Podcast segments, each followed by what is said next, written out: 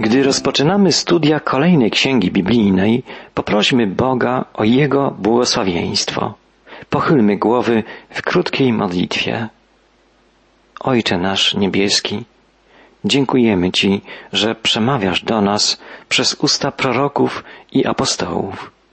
Prosimy, otwórz dla nas swoje słowo.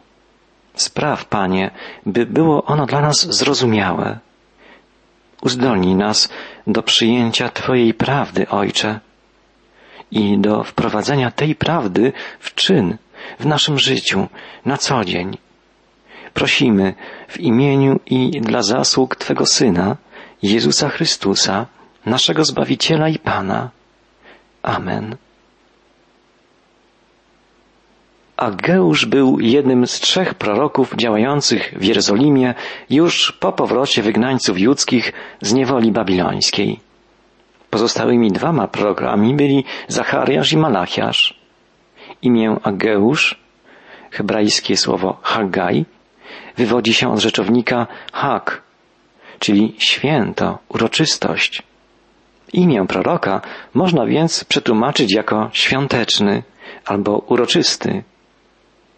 Wspólnie z Zachariaszem Ageusz wzywał rodaków do odbudowy świątyni jerozolimskiej. Wygnańcy judzcy po powrocie z Babilonu z powodu różnych trudności zaniechali odbudowy świątyni na jakiś czas.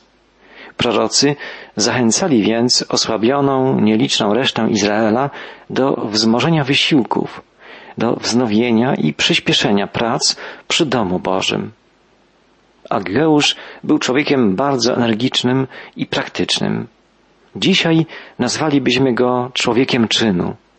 Odważnie i wytrwale zmierzał do zrealizowania wytkniętego celu i swoją postawą mobilizował i porywał innych.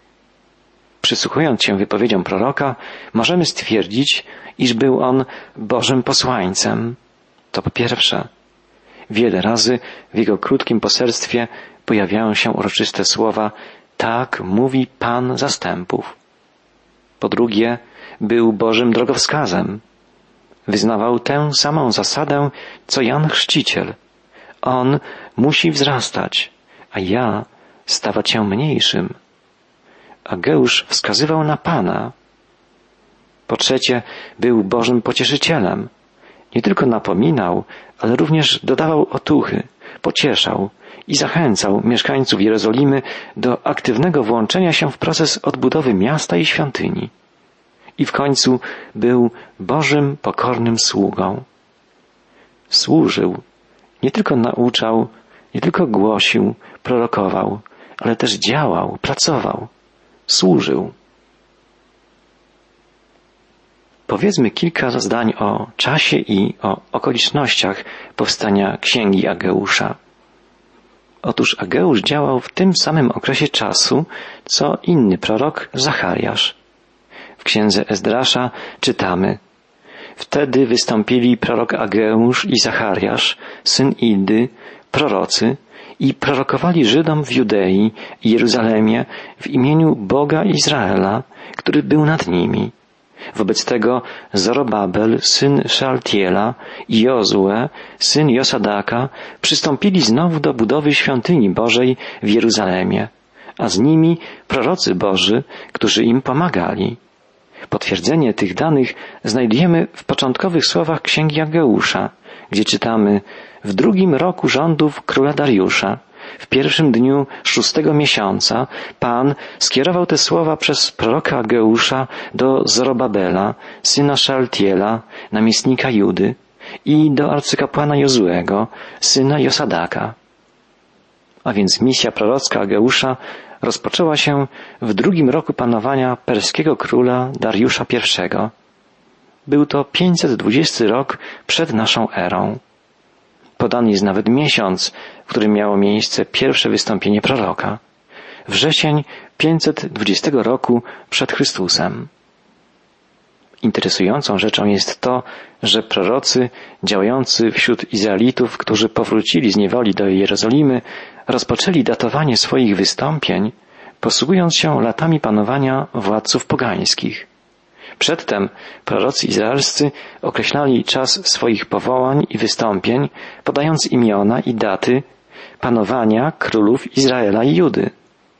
Po powrocie z niewoli, ponieważ nie odrodziło się ani królestwo judzkie południowe, ani izraelskie północne, nie było królów na tronie w Jerozolimie ani w Samarii, prorocy izraelscy określali czas swojej działalności, podając imiona i lata panowania królów pogańskich.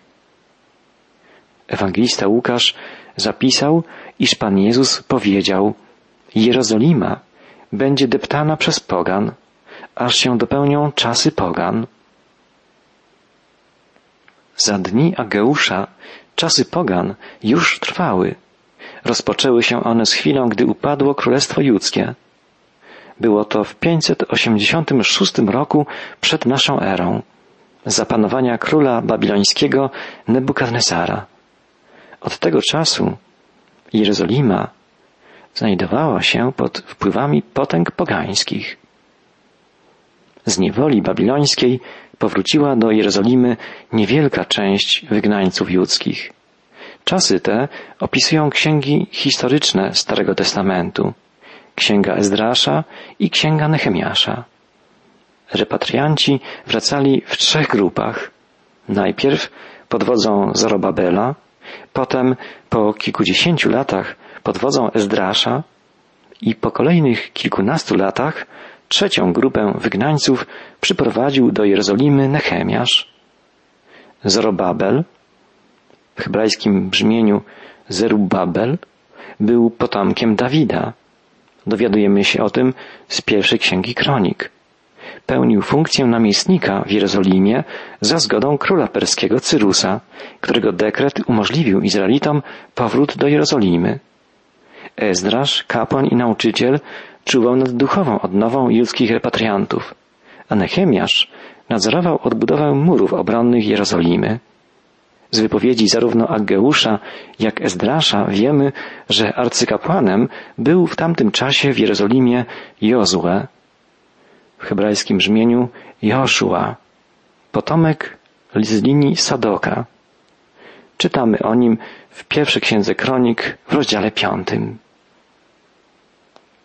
Tak więc odbudowie Jerozolimy przewodzili zarówno kapłani, świeccy, jak i prorocy. Ageusz i Zachariasz uzupełniali się w swojej posłudze prorockiej.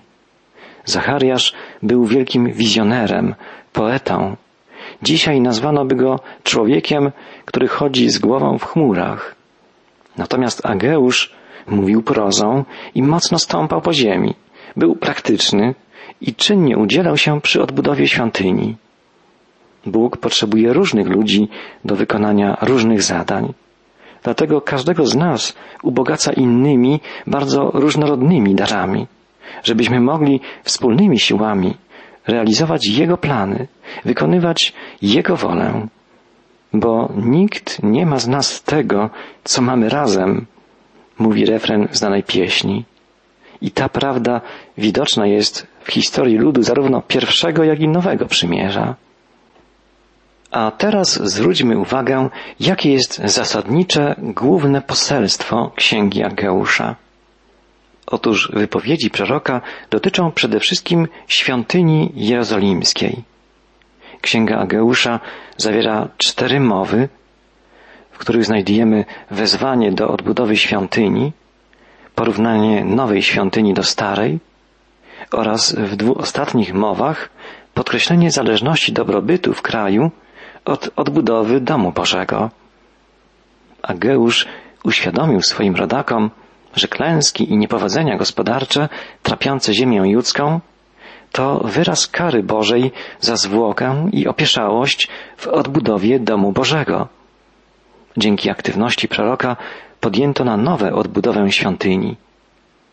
Ageusz pobudził do działania Zorobabela, politycznego przywódcę narodu, namiestnika oraz kapłana Jozłego, przedstawiciela duchowieństwa. Udało mu się porwać za sobą także szerokie warstwy ludu ludzkiego. Ageusz gorliwie podtrzymywał budowniczych na duchu. wiążąc z nową świątynią nadzieję na odrodzenie narodu. Żarliwa troska o odbudowanie świątyni nie przesłaniała jednak prorokowi prawdy o Bogu jako Panu nieba i ziemi. Ageusz ukazuje Boga jako godnego najwyższej czci opiekuna Izraela i wszechmocnego Pana świata. Zapowiada nadejście pokoju, który nastanie w czasach mesjańskich. Wzywa do wytrwałego oczekiwania na przyjście Mesjasza i wskazuje na Zorobabela, potomka Dawida, jako na postać zapowiadającą wielkiego syna Dawida, oczekiwanego wybawiciela. Prorok przedstawia Zorobabela jako typ, symbol Mesjasza. Przypomina, że oczekiwanie ludu Bożego na Zbawiciela nierozerwalnie związane jest z linią rodową Dawida. Rzeczywiście Zorobabel był jednym z przodków Mesjasza.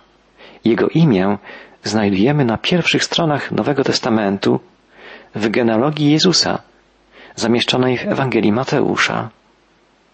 Niektórzy komentatorzy porównują poselstwo księgi Ageusza do przesłania nowotestamentowego listu Jakuba. Faktycznie obie księgi mają wymiar bardzo praktyczny. Podkreślają fakt, że wiara wyraża się w działaniu, że żarliwość wiary i jej moc manifestują się w czynach dokonywanych na co dzień. Człowiek prawdziwie uduchowiony nigdy nie jest bezczynny. Nic nie robienie, marzycielstwo to przejaw niedojrzałości i słabości. Prawdziwa biblijna duchowość zawsze manifestuje się w aktywnym, wytrwałym działaniu. Dobre czyny są wynikiem, owocem wiary. Jezus powiedział, po owocach poznacie ich. Za kluczowe wiersze księgi Ageusza możemy uznać dwa wersety. Idźcie w góry, sprowadźcie drzewo i budujcie dom, a upodobam go sobie i ukażę się w nim w chwale, mówi Pan. I drugi werset.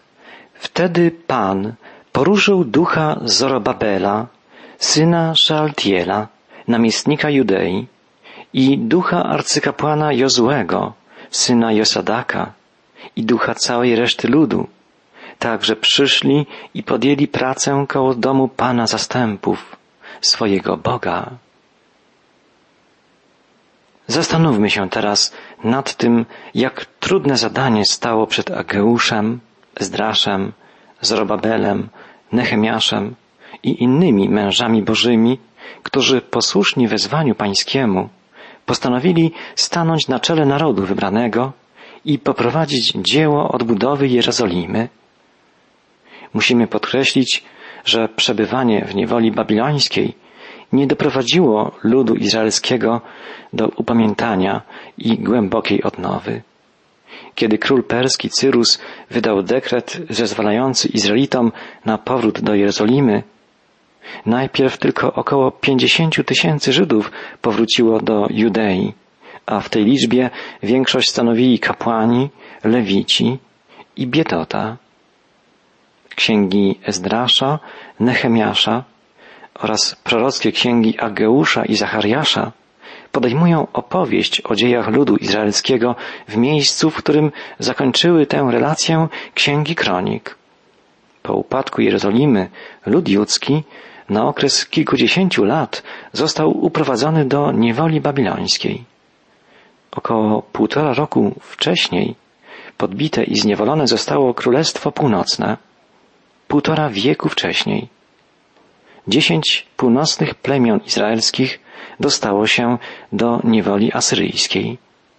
Cały naród został więc zniewolony i wysiedlony z ziemi obiecanej.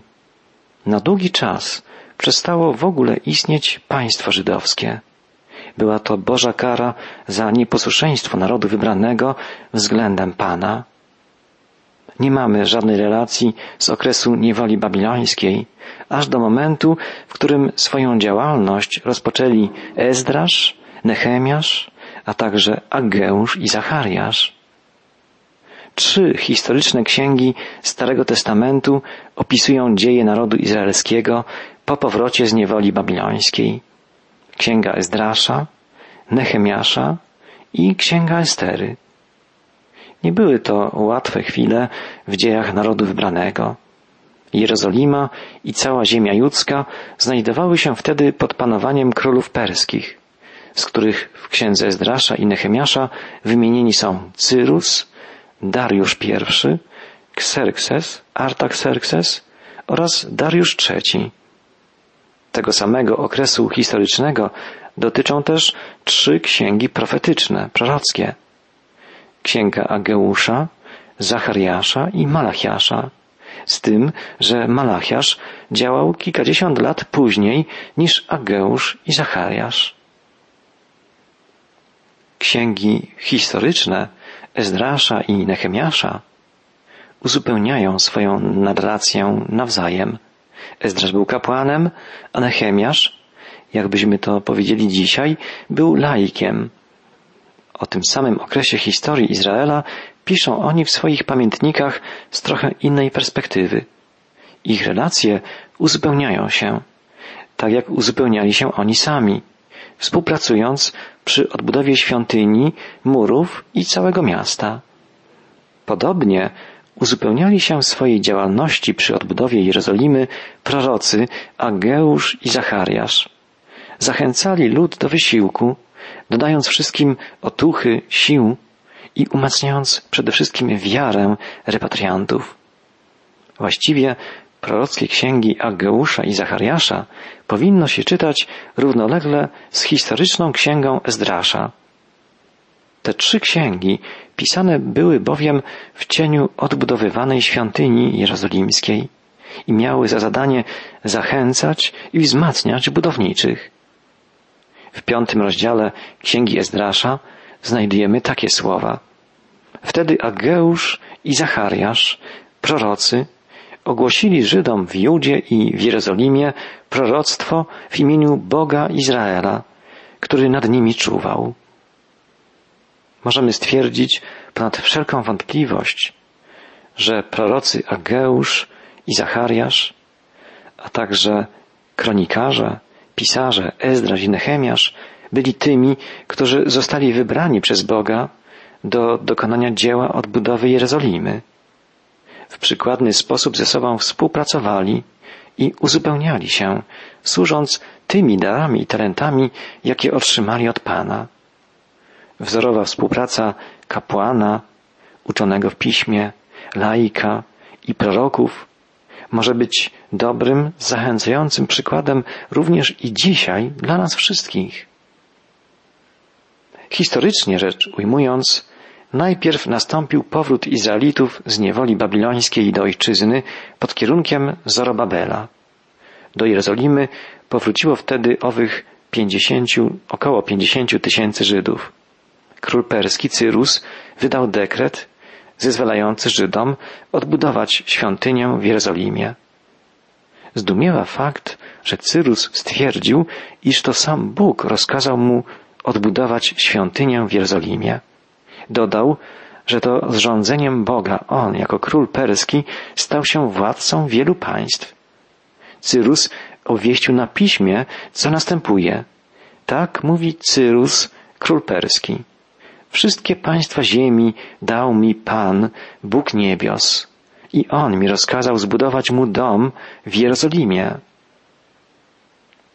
Te zdumiewające słowa dekretu króla perskiego są właściwie niesamowite. Ale o Cyrusie prorokował już Izajasz. W 44 rozdziale proroctw Izajasza znajdujemy takie słowa. Tak mówi Pan, ja mówię o Cyrusie, mój pasterz, i spełni on wszystkie moje pragnienia, mówiąc do Jeruzalem, niech cię odbudują i do świątyni wznieś się z fundamentów. Prorok Izajasz zapowiedział więc to, że król perski Cyrus zezwoli Izraelitom na powrót do Judei i na odbudowę Jerozolimy i świątyni. Cyrus był perskim królem w latach 559 do 529 przed naszą erą. A więc rządził przez 30 lat w drugiej połowie VI wieku przed Chrystusem. Po zdobyciu Babilonu zezwolił w roku 538 na powrót Izraelitów do Jerozolimy. Proroctwo Izajasza wypełniło się. Bez wątpienia to z woli Boga Cyrus wydał dekret o takiej treści. Ale w proroctwie Izajasza zawarte były jeszcze inne zdumiewające słowa. W 45 rozdziale Księgi Izajasza czytamy Tak mówi Pan o swym pomazańcu Cyrusie. Ja mocno ująłem go za prawicę, aby ujarzmić przed nim narody i królom odpiąć broń od pasa, aby otworzyć przed nim podwoje, żeby się bramy nie zatrzasnęły. A więc to żywy Bóg prowadził Cyrusa. Został mu nadany nawet zaszczytny tytuł pomazańca pańskiego, tytuł, który przysługiwał przedtem jedynie królom izraelskim i judzkim. Cyrusowi został on nadany ze względu na wybór Boga, który z niego uczynił narzędzie do wykonywania swych planów. Ale w jaki sposób doszło do poznania przez króla perskiego żywego Boga, Pana Izraela? Prawdopodobnie do wiary w Boga przywiódł Cyrusa Daniel, który za panowania Cyrusa pełnił w jego królestwie funkcję porównywalną z dzisiejszym stanowiskiem premiera. To z pewnością Daniel zaświadczył Cyrusowi o prawdziwym, żywym Bogu. Cyrus wiedział, co czyni, wydając dekret zezwalający Izraelitom na odbudowę świątyni jerozolimskiej. Wiedział, że jest narzędziem w ręku Boga, że postępuje zgodnie z wolą żywego Pana. To zarządów Cyrusa Daniel wypowiedział niektóre ze swoich wielkich proroctw, w tym proroctwo o siedemdziesięciu tygodniach dotyczące Izraela. Proroctwo Daniela wypełniło się i wypełnia się nadal. To samo dotyczy proroctw Izajasza. Około jedna czwarta treści Pisma Świętego ma charakter profetyczny, prorocki. Wielka część proroctw biblijnych już się wypełniła. Ponad 300 proroctw biblijnych dotyczących pierwszego przyjścia Chrystusa wypełniło się w sposób literalny. Jest też, jak twierdzą niektórzy bibliści, ponad 300 proroctw dotyczących drugiego przyjścia Chrystusa. I te proroctwa z pewnością wypełnią się. Zwróćmy jeszcze uwagę na jeden ważny fakt dotyczący czasów Ageusza, Zachariasza, Ezdrasza i Nehemiasza. Z wypowiedzi proroka Ezechiela wiemy, że po upadku Jerozolimy i zniszczeniu świątyni obłok Bożej chwały, Szekinach, który wypełniał miejsce najświętsze, został zabrany z ziemi. Bóg z powodu nieposłuszeństwa swego ludu przestał zamieszkiwać wśród swoich dzieci. Skończył się okres teokratycznego, bezpośredniego kierownictwa Boga w Izraelu. Odtąd Pan zwany był Bogiem niebios. Ale pewnego dnia Pan znowu w sposób widzialny zamieszka w Jerozolimie. Świątynia jerozolimska zostanie odbudowana. Tę nową, niezwykłą świątynię opisuje prorok Ezechiel w końcowej części swego poselstwa. Jerozolima znów stanie się miastem wielkiego króla. Wszystkie te okoliczności, proroctwa, zapowiedzi sprzyjały rozpoczęciu dzieła odbudowy świątyni pańskiej i całej Jerozolimy. Ale jak zawsze najważniejszym elementem w dziele odrodzenia byli ludzie, którzy usłuchali Bożego wezwania i postanowili wytrwale, nie zrażając się przeciwnościami, realizować Boże plany, wykonywać Bożą wolę. Także dzisiaj Bóg szuka ludzi, którzy są gotowi służyć Mu wiernie, posłusznie, gorliwie, z oddaniem i miłością.